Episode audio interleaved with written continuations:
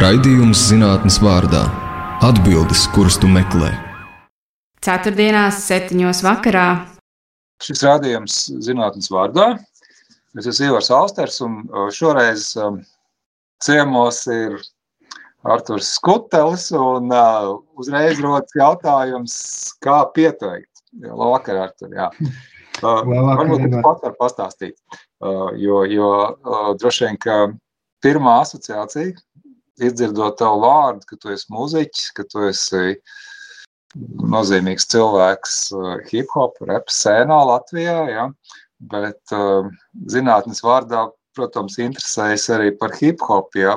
bet laikam uh, šoreiz tas galvenais iemesls, kāpēc es ar tevi kontaktēju un tevi aicināju, bija tas, ka tev arī ir ar literatūru un literatūras zinātni ir kāda saistība. Tad kā tev pareizi pieteikt? Jā, nu es laikam šovakar esmu nedaudz eh, svešķermenis eh, jūsu, jūsu raidījumā. Iespējams, nedaudz, iespējams, ļoti. Varbūt eh, raidījuma noslēgumā ievar tu varēsi um, arī savu galavārdu teikt, kā tad šī saruna ir izvērtusies. Bet labas sarunas man patīk, un es ceru, ka mums ka mums tāda arī izdosies. Kā mani pieteikt? Nu, es, eh, es rakstu mūziku, precīzāk, es rakstu tekstus, tādus visai specifiskus tekstus, eh, kas gal galā pārtop par eh, dziesmām. Vairumā gadījumu šo dziesmu var visai droši pieskaitīt repa žanram. Tā ir pamatlieta, ar ko es nodarbojos, mūzika. Tam visam līdzās Es eh, rakstu disertāciju Latvijas Universitātē. Es esmu um, Latvijas Universitātē arī pasniedzējis, pasniedzu vairākus, vairākus kursus, kas saistīti ar literatūras teoriju un latviešu literatūras vēsturi, jo īpaši 20. gadsimta 20. un 30. gados, tātad starpkaru periodā. Tas ir tās lietas, ar kurām es nodarbojos no zinātnes aspekta. Formāli laikam mani jau korekti dēvēt par literatūras zinātnieku, bet eh, man no sava skatu punkta, zinot, apzinoties to, cik jauns es esmu šajā, šajā jomā, es vēl ļoti piesardzīgs esmu ar tādiem apzīmējumiem, pats sevi tā nedēvēju. Varbūt mēs varētu vienoties, Ivar, eh, topošais filologs vai topošais literatūras zinātnieks. Tā šķiet būtu pietiekami korekti. Bet tev jau sākotnējie grādi taču ir filoloģijā.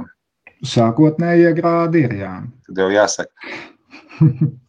nu, filologs bez piecām minūtēm jau certificēts literatūras zinātnieks. Es, es, es, es, es domāju, ka es pieļauju, ka kaut kas varētu mainīties. Uh, no manas puses tajā sevis identificēšanā, tajā brīdī, kad es būšu pabeidzis un aizstāvējis disertāciju. Bet šobrīd es tiešām esmu ļoti piesardzīgs. Disertācija ir par 20, 30 gadiem? Uh, nē, disertācija man ir arī par 20, 30 gadiem, bet es rakstu par, man ļoti interesē um, žanra jautājums. Mm. Un es rakstu par psiholoģisko romānu latviešu literatūrā.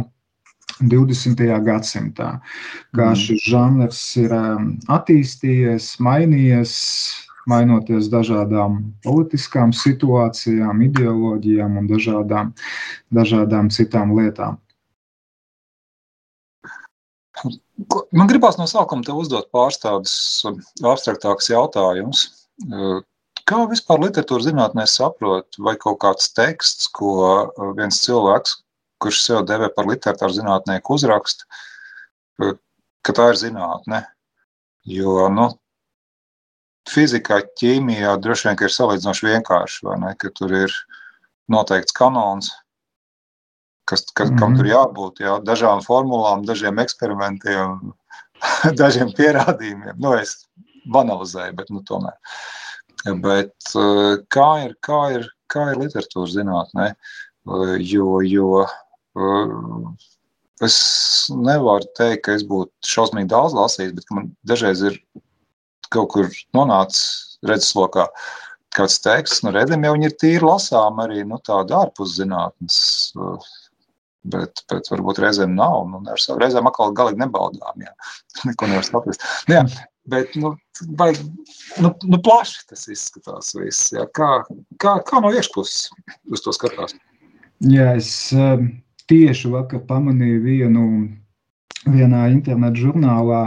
Uh, tādu citātu apkopojumu, um, kuru autors ir man ārkārtīgi mīļš krievu literatūras zinātnieks, filologs uh, Sergejs Avērņcevs. Um, joprojām ļoti liela, liela autoritāte. Un tas citāts skan, uh, skan tā, ka tad, kad es pabeidzu lekciju vai rakstu, man vienmēr gribās vēl piebilst, varbūt viss notika tieši otrādi. Un, ehm, jā, ehm, Literatūra zinātne, un tas arī ļoti jauki, ka es sastapos tieši pirms mūsu ar tevi sarunas ar Vērencevu, jo Vērencevs vispār ir viens no iemesliem, kāpēc es gāju studēt ehm, filoloģiju, literatūru zinātni. Vērencevs ir teicis, ka literatūra zinātnē, filoloģija precīzāk, nav um,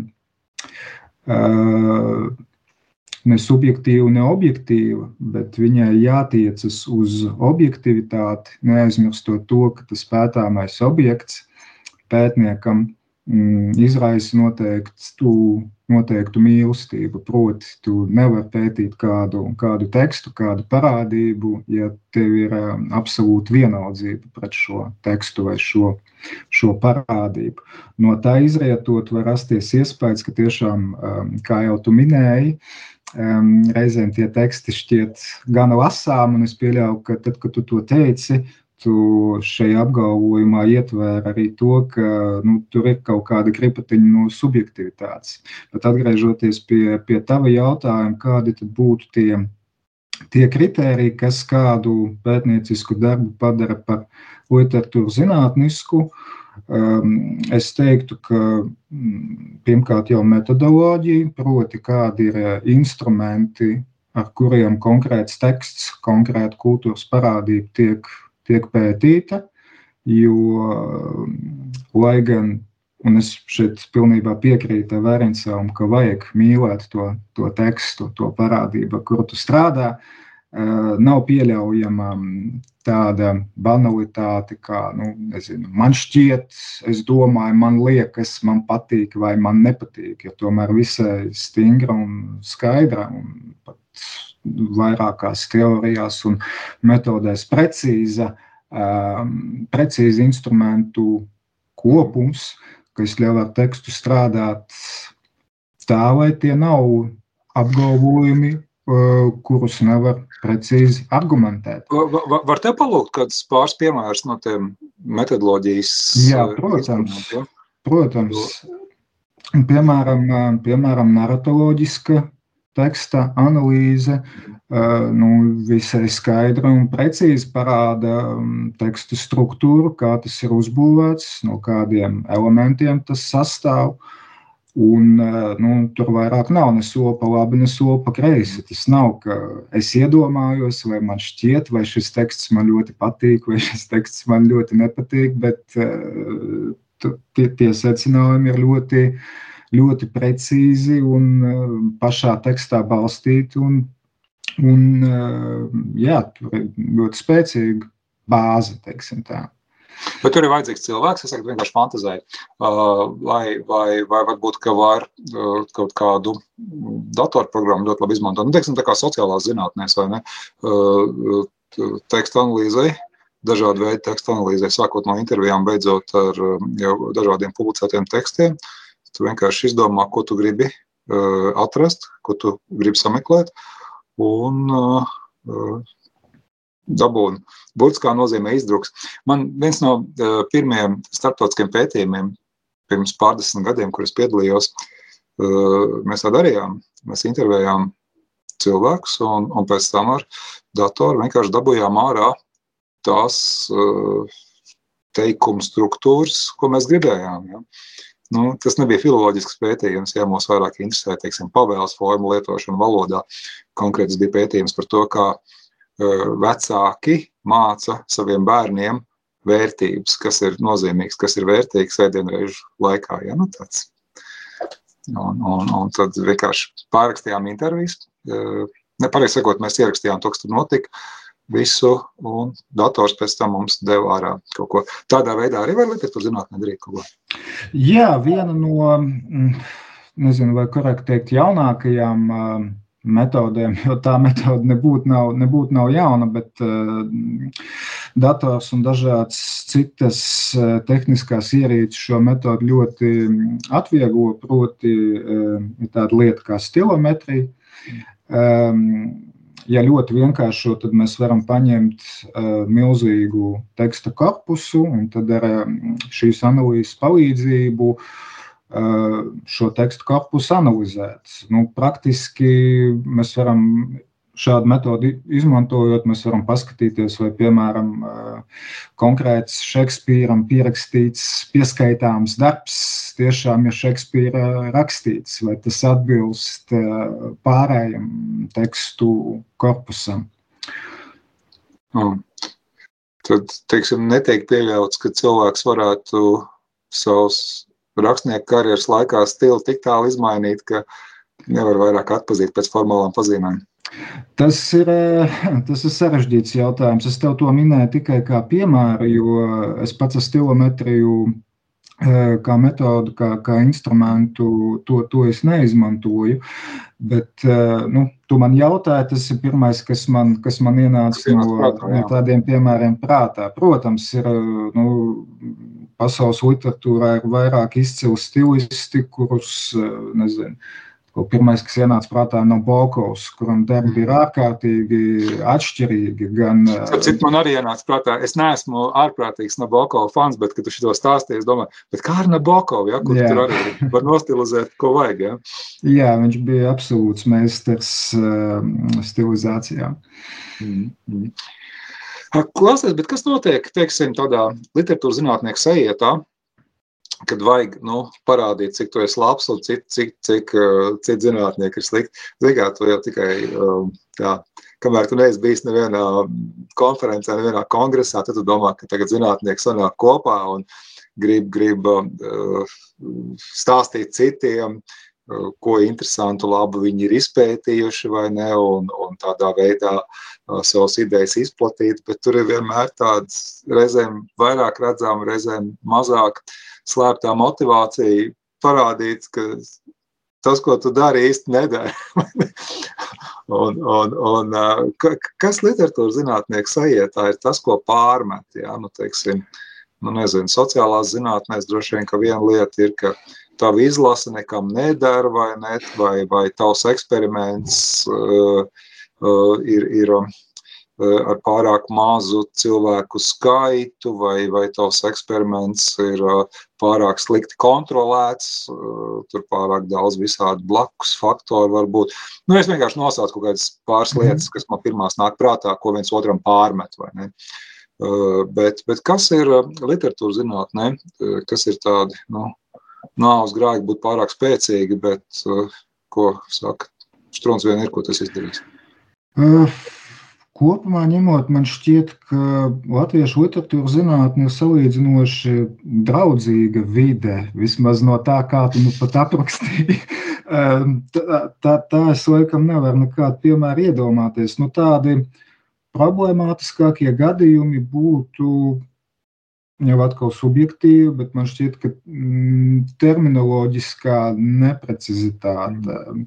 Um, nereti literatūra zinātne nodarbojas ar uh, terminiem, terminiem kas um, plaši aprakstīti arī Rietumē, Eiropas literatūras zinātnē un tam līdzīgi. Un tad Rietumē, Eiropas zinātnē frančiem ir viens jēdziens, britiem ir cits jēdziens, amerikāņiem ir vēl trešais jēdziens un tam līdzīgi. Tad kā to korekti atveidot latviešu valodā un vai tie atveidojumi savstarpēji vienkārši tajā daudz, nepaliek daudz nozīmīgi un nu, tam līdzīgas parādības.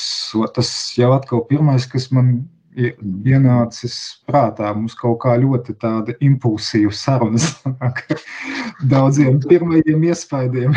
Kā, kā, kā, to, kā to sauc uh, hip-hopā freestyle? Ne, kādreiz tāda, tāda bija kaut kāda, ja, ka tur par to ir pat šitā filma, kā tur tā. Tu domā brīvrunas? Brīvrunas, jā, jā, brīvrunas, tā Latvijas tā sauc, jā. Jā, jā, tas ir latviski brīvrunas. Tā, starp citu, arī ļoti, man liekas, ļoti iederas šis pieminējums tajā jautājumā, ko tu nu pat uzdevi un, un, un par to terminoloģisko tīrību, jo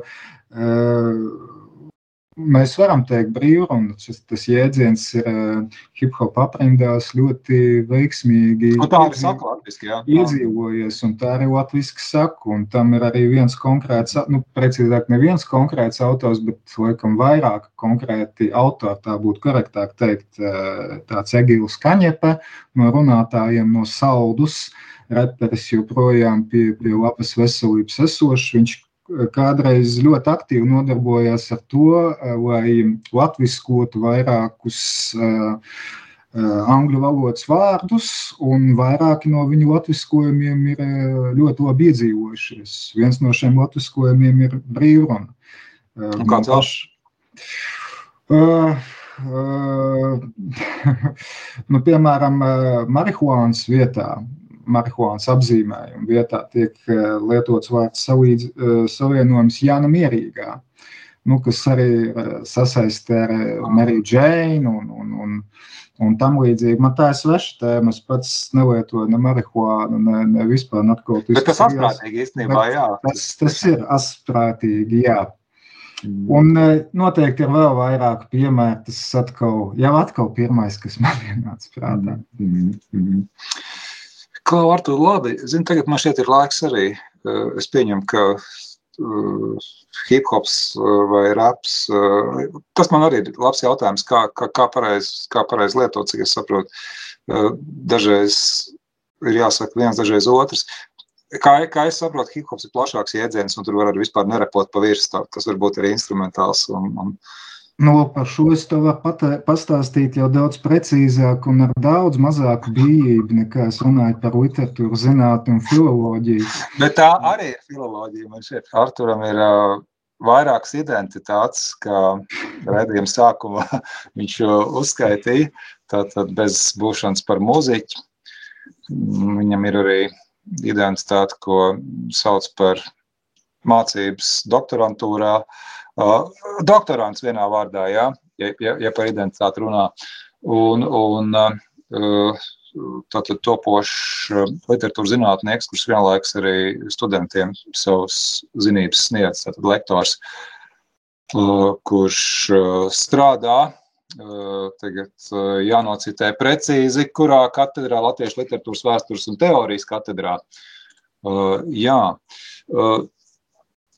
Klau, mēs sākām runāt par, par pirms, pirms mūzikas klausīšanās, par to, par terminoloģisko precizitāti. Nu, no sākuma bija stāsts par to, ka literatūras zinātnes ietvaros, tas ir tāds smags apvainojums, ja tu neprecīzi kaut ko nosauc, neesi konsekvents savā, savā valodas lietojumā. Un tad tu teici, ka tu varētu visai precīzi nodefinēt, kad būtu jāsaka hip hops un kad jāsaka Jā. Uh, lai, lai mums sarunā nesajuktu, tad kad ir jāsaka hip hops un kad ir jāsaka raps?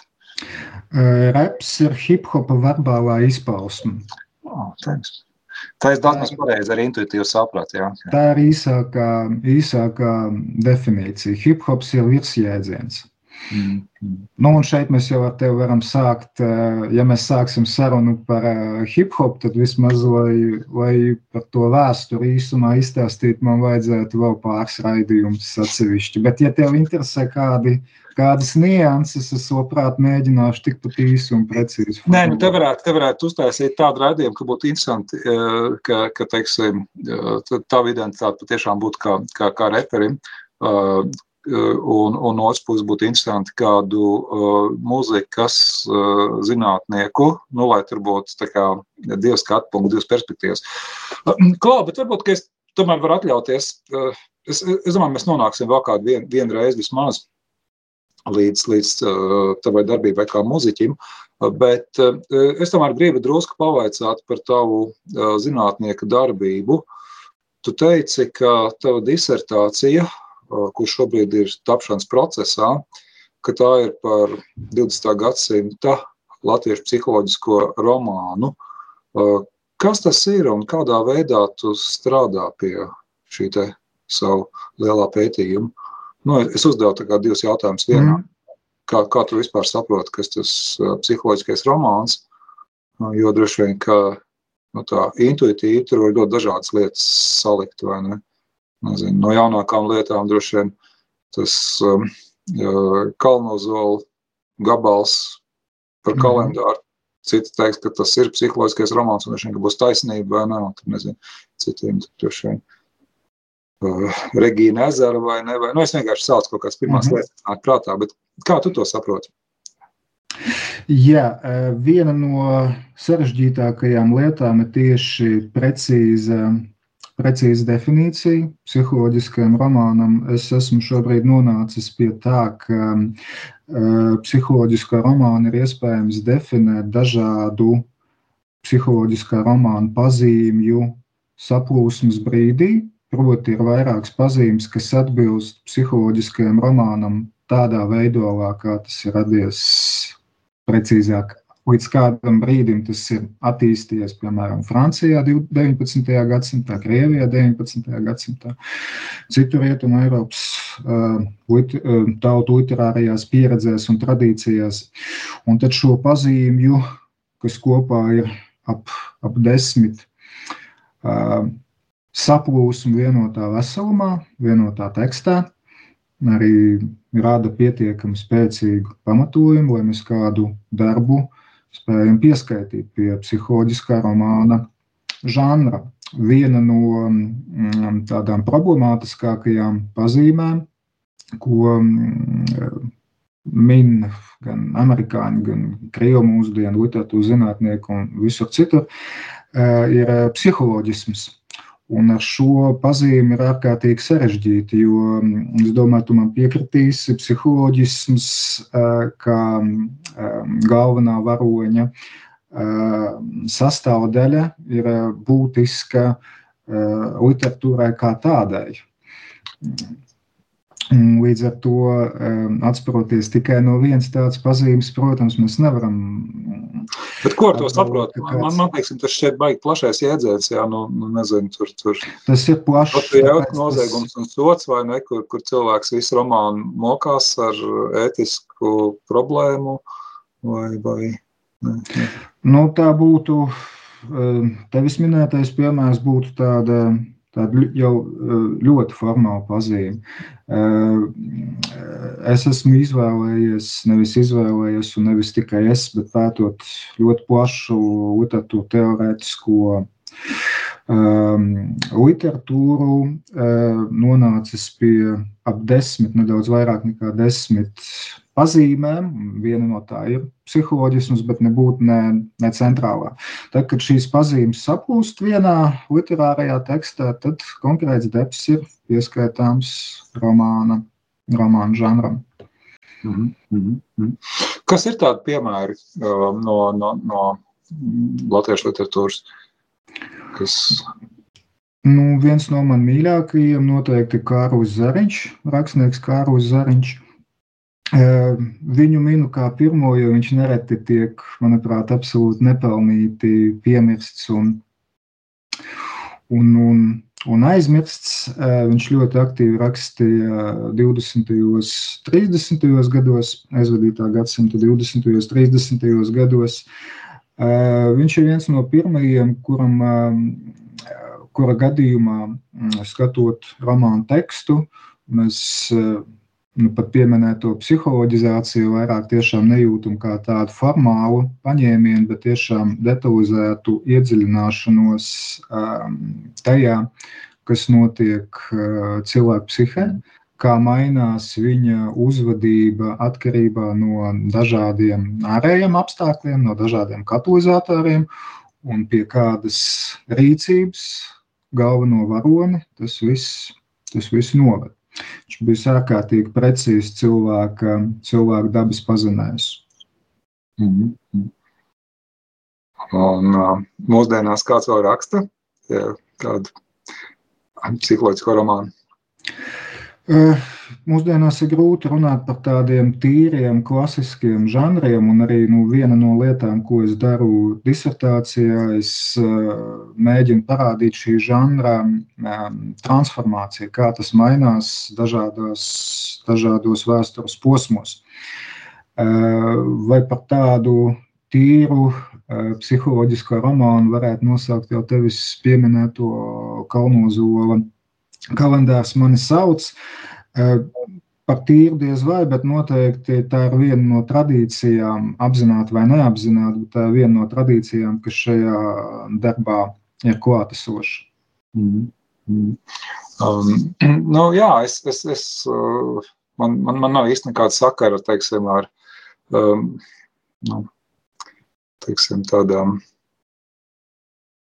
uh, psiholoģijas jomām, vai ne, kur, kur, kur, kur droši vien tiešā veidā varētu attiecināt uz, uz, uz um, šo te uh, kalendāru galveno varoni. Bet, bet uh, jā, uh, kad, kad, katrā gadījumā man droši vien pirmā lieta, kas nāk prātā, būtu tāda Uh, varbūt pat nav tik svarīgi, vai tas ir no zinātnes viedokļa precīzi um, psiholoģisko uh, jēdzienu uh, izmantot, izmantošana, ja, bet ka, nu, ka tur vispār ir kaut kāda nezinu, introspekcija, droši vien, vai kā mēs, kā mēs to varētu, varētu citiem vārdiem nosaukt. Um, jā, un, un, bet kā ir ar paša autora. Man, man jau reizēm šķiet, ka tu lasi, ka īstenībā tas ir uh, vairāk, vairāk par pašu nu, autoru tajā brīdī, ja mēs uh, mēģinām kaut kā psiholoģēt. Es saprotu, tā ir ļoti slidena tēma. Uh, no mūsdienu psiholoģijas viedokļa, ja, ka nevajag skatīties uz uh, cilvēku darbiem kā uz kaut ko tādu, kas noteikti kaut ko pasaka par cilvēku pašu. Jā, nu, tu, jau, tu jau minēji par situāciju, vai ne? Ka tev bija vienkārši tāda situācija, kur tev vajadzēja uzrakstīt tādu darbu kaut kādu iemeslu dēļ, par kuriem neviens neko nezina. Ne? Bet, bet tā, mēs lasām, mēs jau skatāmies. Un domājam, vai tik šis kaut ko nepasaka par pašu autoru. Tādā veidā ar tam pieiet, vai tas ir noiets etaps, tev, tev ir teksts pats par sevi neatkarīgi? Tāda, tādā veidā tam arī pieiet, bet tas nav mana pētījuma, nav mana pētījuma centrā. Mana pētījuma centrā ir tieši žanra attīstība. Tas ir ārkārtīgi interesanti, ka Nu, romāns vispār ir tāda unikāla parādība, jo, kā teica krievu rakstnieks Dmitrijs Bikovs, tad no agrā vai vēl sabruks viss, sabruks, sabruks piramīdas un, un, un viss pārējais, bet romāns kā, kā, liet, kā, kā liecība par to, kā cilvēki domāja, runāja, uzvedās, kāda bija viņu pasaules aina pasaules uztvere, tā paliks mūžīgi iekonservēta šajā, šajā formā. Ja mēs gribam, ja mēs gribam paskatīties, nu, citiem vārdiem sakot, tajā brīdī, kad es lasu kādu latviešu psiholoģisko romānu no aizvadītā gadsimta sākuma un aizvadītā gadsimta beigām, es jau sastopos ne tikai ar romānu žanra transformāciju, sastopos arī ar divām atšķirīgām pasaules ainām. Nu, atšķirīgi, varbūt nu, ne radikāli atšķirīgām, bet uh, caur to teksta izpēti ir iespējams ieraudzīt arī izmaiņas cilvēka domāšanā, cilvēka valodā. Tas ir tas, tas, ir tas interesantais. O, tad, tad, ja tu saki par divām dažādām pasaulēm, tas ir kā šobrīd domā un kā tajā brīdī pirms simts gadiem domāju? Uh, domāju, varbūt ir jau skaļi teikts, bet pēc, pēc būtības jā. jā. Mm. Bet kad vispār romāns radās kā mm, literatūras žanrs, nu viņš jau nav ārprātīgs sens. Tu domā tādā mūsdienu izpratnē? Nu, mūsdienu izpratnē, jā, ne, nu, nerunājot par kaut kādiem eposiem un, un, un tādu žanru. Jā, nē, no romāna žanra piemērs var sastapt jau arī antīkajā literatūrā, bet, eh, ja mēs uz to paskatāmies no tāda skatu punkta, kā, kā tu jautāji, tad, protams, romāns ir saistāms ar brīdi, kad eh, cilvēks to spēja lasīt. Un, lai cilvēks to spētu lasīt, ir nepieciešama vairāk formāli. Um, formāli iemesli situācija. Proti, domā tādu kā, kā, kā arī, arī popkultūras uh, klātesamība. Jā, uh, es, es, es domāju, mazliet solīt atpakaļ. Proti, mums vajag nonākt līdz brīdim, kad uh, romānu var nodrukāt. Nu, un ne. ka tas ir pieejams cilvēkam jau nevienā eksemplārā, mm. un ne, varbūt ne piecos eksemplāros, bet mazliet vairāk. Pirmām kārtām, otrām kārtām vajag nonākt tādā vēsturiskā brīdī, situācijā un sabiedrības attīstības posmā, kad cilvēkiem ir brīvais laiks. Lai to vispār spētu lasīt, lai to nelasītu tikai aristokrāti, dišciltīgie un, un tam līdzīgi. Šķiet, ka latviešu literatūras vēsturē ļoti interesanti, ka romāns, kas tiešām ienāk uh, oriģināla romāns ienāk ar uh, brāļiem Kaudzītājiem 19. gadsimta beigās, bet visai cieši saistīts, sasaistāms tieši ar nu, dažādām sabiedriskām izmaiņām Latvijā. Mm. Romāns ir ārkārtīgi populārs, kļūst par vadošo žanru tieši 20. un 30. gados aizvadītajā gadsimtā, un viens no iemesliem ir tāds, ka beidzot parādās cilvēki, kas to spēj lasīt, kam ir laiks, lai to lasītu, kas nav tikai, eh, eh, negribu teikt, izredzētie, bet kādi īpaši cilvēki, kas tam var atvēlēt laiku, pūles un, un, un tam līdzīgi, bet tas tiešām kļūst par visiem pieejamu tekstā, teksta formu. Tagad eh, nebūs tā, ka seriāli galīgi izspiedīs romānu, tas ir. Jā, jā tas, tas, ir viens no piemēriem, ko es arī parasti minu, kad, kad es runāju tieši par 20. un 30. gadiem un latviešu romānu cik tas tobrīd ir populārs, to var tiešām salīdzināt ar seriāliem mūsdienās. Arī romāns 20. un 30. gados, protams, ne tikai tad, bet arī tad publicēja periodiskos izdevumos, nereti, un pirms mm. romāns tika izdots grāmatas veidolā, tas tika pieejams tātad fragmentos dažādos periodiskos izdevumos, un to pirka un gaidīja, kas tad būs tālāk. Līdzīgi šobrīd cilvēki mēdz skatīties seriālu seriālu. Šodien noskatās vienu epizodu un gaida, kas būs nākamajā epizodē, kas iz, tiks izdota pēc nedēļas, mēneša vai, vai, vai gada. gada jā. vai. Bet tas nav apdraudējums īstenībā, jo nu, vairāk iemeslu dēļ, nu, tas, ko tu teici, brīvais laiks ir ierobežots resurss. Uh, cilvēki izvēlēsies mazāko, mazākās piepūles ceļu, ja, jo droši vien ir vieglāk skatīties tādu kustīgu vizuālu materiālu, kur teksta daļa tev tiek norunāta priekšā. Nu, jā, bez tam diezgan liela elastība, ja tu vari skatīties, nu, lasīt jau arī kā var telefonos un līdzīgās ietvaistēs. Bet kā, kā? Jā, šis ir Tas, tas, tas ir sarežģīts jautājums, jo eh, no vienas puses eh, nu, cilvēks, cilvēkam nekad nav bijusi tik liela pieeja visdažādākā informācijai kā mūsdienās. Cilvēks nekad nav arī tik daudz lasījis kā mūsdienās. Nu, bet kas tie pa tekstiem? Tas ir nu, telefonā vai datorā vai tā grāmata. Tas ir jā, iz, izvēles jautājums. Eh, cita lieta, ka Nu, jā, no, no tā tava jautājuma izriet laikam viens blakus jautājums, vai mēs varam paredzēt, nezinu, romānu nāvi vai literatūras nāvi. Ir jau, nu, ka, ka cilvēki vispār nelasīs, nelasīs grāmatas. Tas izriet no tava jautājuma.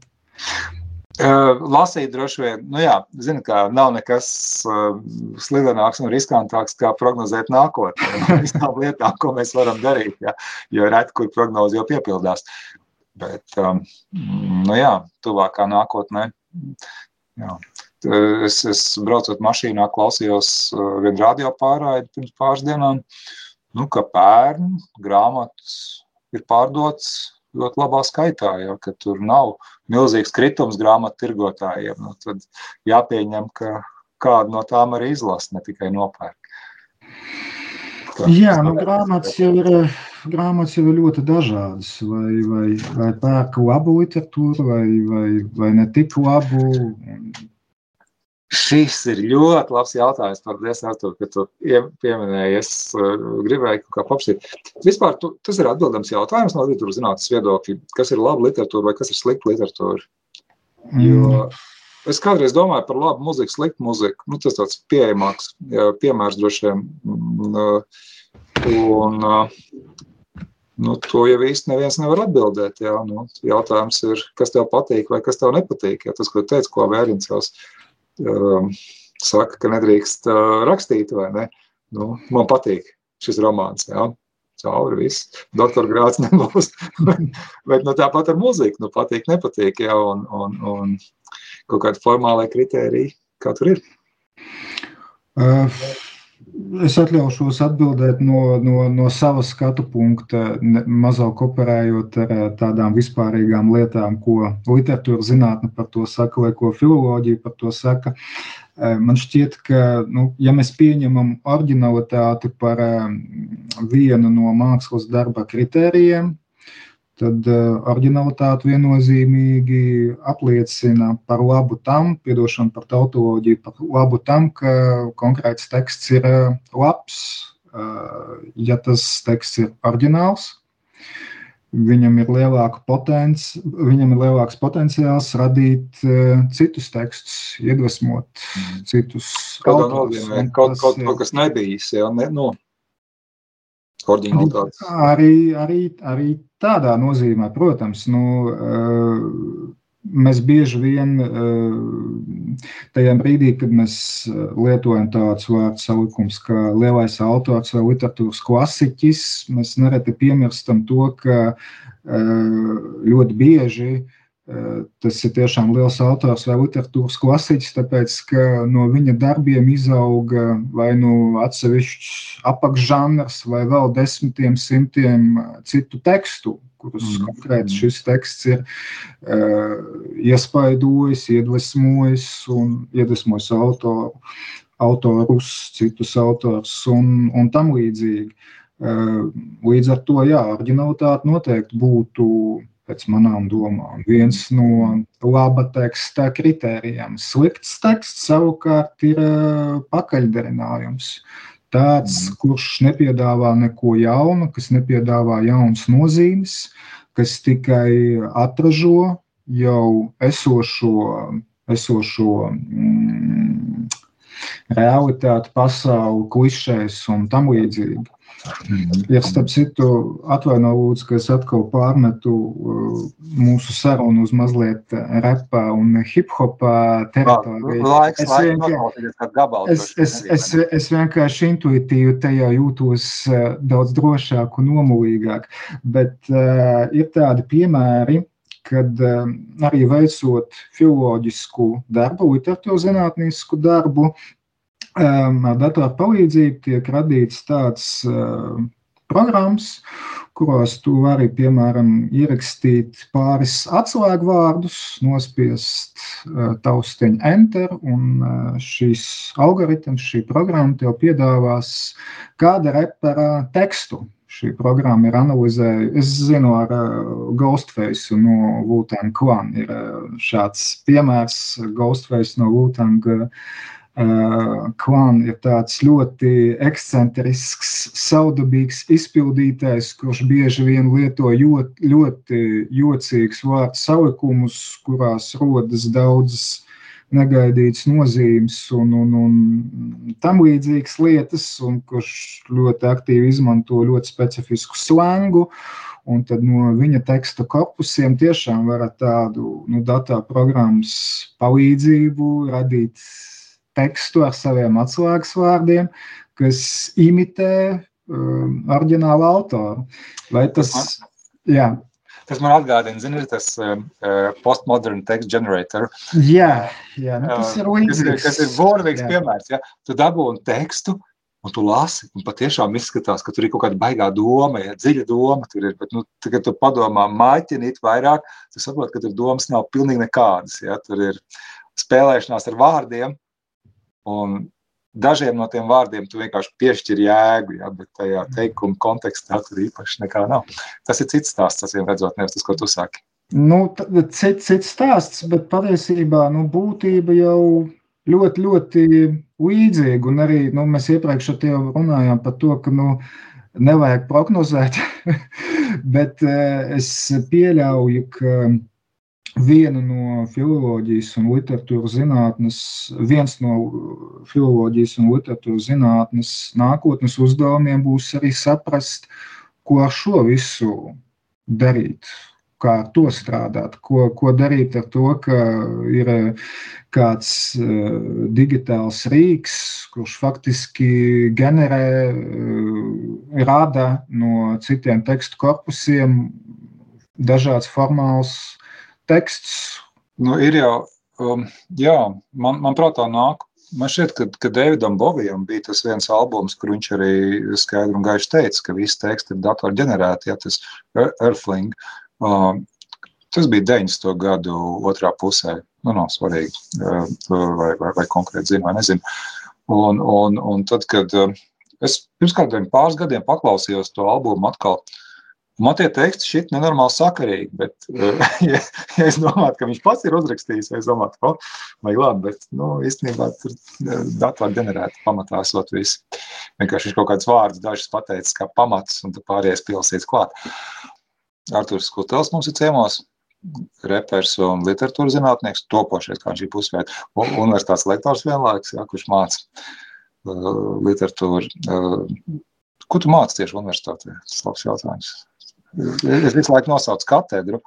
Uh, tad, tad, uh, Latviešu literatūras vēstures un teorijas katedra. Tu to arī māci? Uh, literatūras vēsturi un teoriju?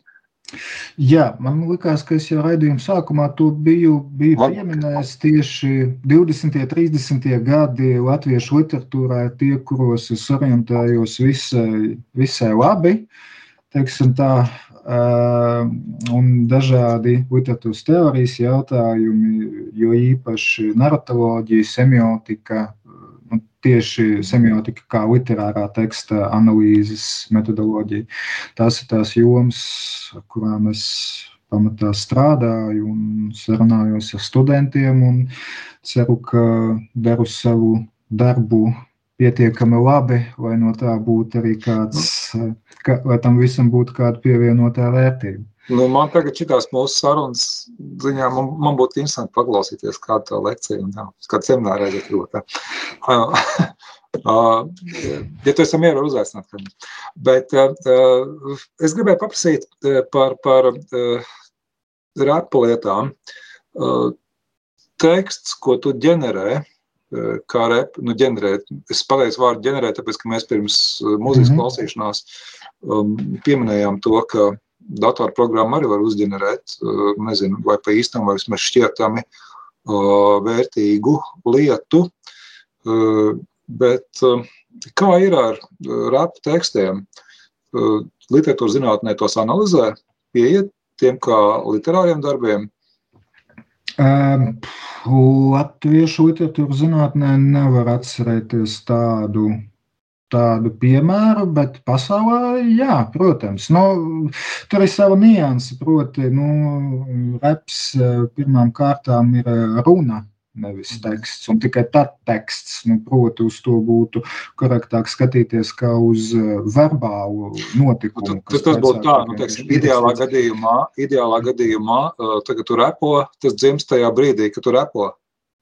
Uh, nē, es gribēju akcentēt vairāk to analīzes, uh, pieeja analīzē, proti, ka tā drīzāk būtu analizējama kā verbāla runa, kā, kā dziesma, kā mm. rečitējums, un tikai uh, otrām kārtām kā pierakstīts teksts, jo tas pierakstīts teksts jau ir nu, runas rečitējuma pieraksts.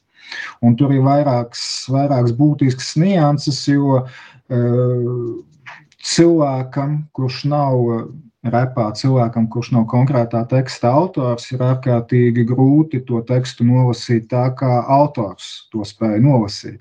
Viss rit, rit, ritma lietas, jā, uh, ritma lietas, tas vēl būtu vienkāršākais, ko var imitēt, apdarināt, bet intonācijas, uzsvari, pauzes, tas ir ārkārtīgi, ārkārtīgi piņķerīgi. Es tev varu pačukstēt, ka reps un rečitējums savā pamatā vispār ir māksla ieturēt pauzi vajadzīgā brīdī, bet pauzes ieturēšana ir nevis sekunde vai pussekunde, bet eh, vēl mazākas, pavisam, pavisam, pavisam mazāko mirkļu pauzītes vajadzīgās vietās. Tas ir mm. piņķerīgākais, kas ir repā un, un, un rečitējumā. Mm. Mm. Ko sauc par rečitājiem, teiksim, tādā mūsdienu muzikā, tas būtu, nu, nezinu, Tā kā, tas, ko, kā latviešu sauc to, ko angļu sauc par spoken word, nu, kas nav gluži repošana. Es esmu bieži vien minē, redzējis tieši arī nu, to angļuisko atveidojumu, uh, slīpināti, bet nu, angļu valodā rakstīt. Es tev nemāku pateikt, kā latviešu mm. to korekti apzīmēt, jo uh, tas nav īsti mans žanrs. Es tajā mm. ļoti vārgi orientējos. Jā, bet vispār tas ir interesanti, jo man šķiet, ka ir tagad diezgan daudz, nu, man prātā nāk, ka vismaz viena mākslinieca, kas, kas uh, diezgan aktīvi darbojas abos žanros, gan repo, gan, gan, gan to spoken word uh, lieto More Mother. Mm -hmm. uh, viņu, jā, bet, uh, jā. Uh, Tas, tas, tas ir interesanti. Kāds students mēģina kaut ko tādu darīt, jo reizēm jau studenti bīda uh, visas šīs lietas uz, uz priekšu, vai ne? Ienes kaut kāds jauns tēmas, saka, paklau, tas, ko jūs man te mācat, ir interesanti, bet, zin, pasauli mainās, un tagad kaut kam citam jāpievērš ar uzmanību? Nu, šogad, eh, ne, piedošanu nevis šogad, nu jau aizvadītajā gadā eh, mūsu nodeļai eh, bija simt gadu, jub, simt gadu jubileja, un studenti gatavoja dažādus apsveikumus, priekšnesumus un tam līdzīgi. Un man pašam par pārsteigumu tā nebija iniciatīva no manas puses nekādā mērā, bet, bet eh, studenti izrādīja interesi, ka eh, gribētu paņemt latviešu dzējas tekstus no dažādiem laikiem un pamēģināt tos eh, ierapot, ierečtēt. Un tad es mazliet palīdzēju ar saviem padomiem, kā, nu, kur skatīties un, un ko un kā, un tad viņi to visai veiksmīgi arī, arī īstenoja. Teiksim, Aleksandrs Čaks absolūti brīnišķīgs skanēja rečitējuma formātā. Jā. Mm, mm, mm. jā.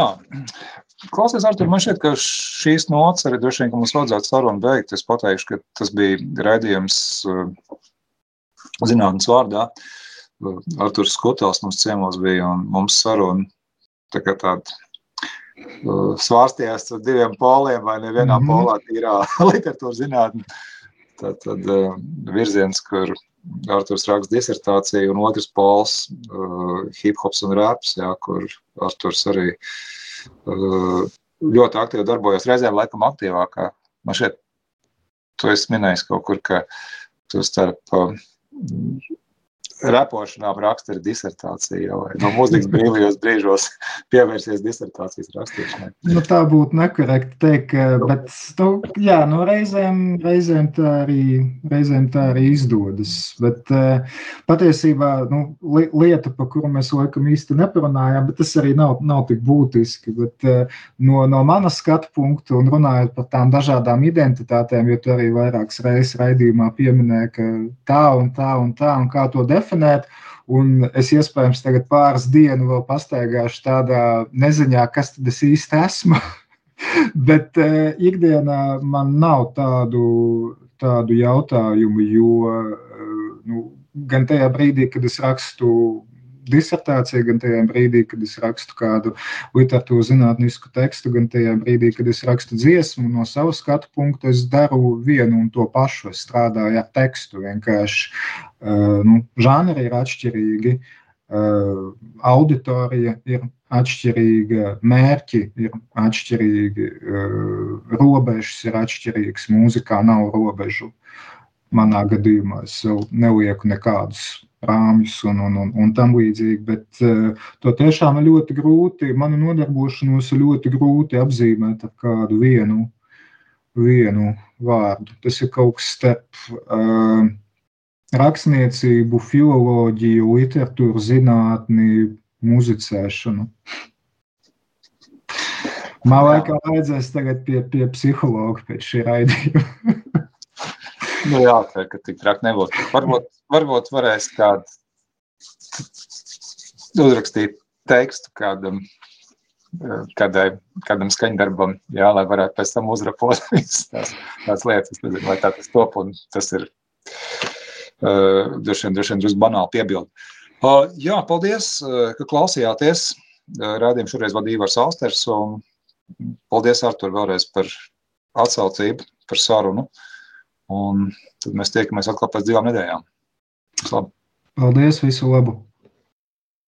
Raidījums zinātnes vārdā - atbildes, kuras tu meklē. Ceturtdienās, septiņos vakarā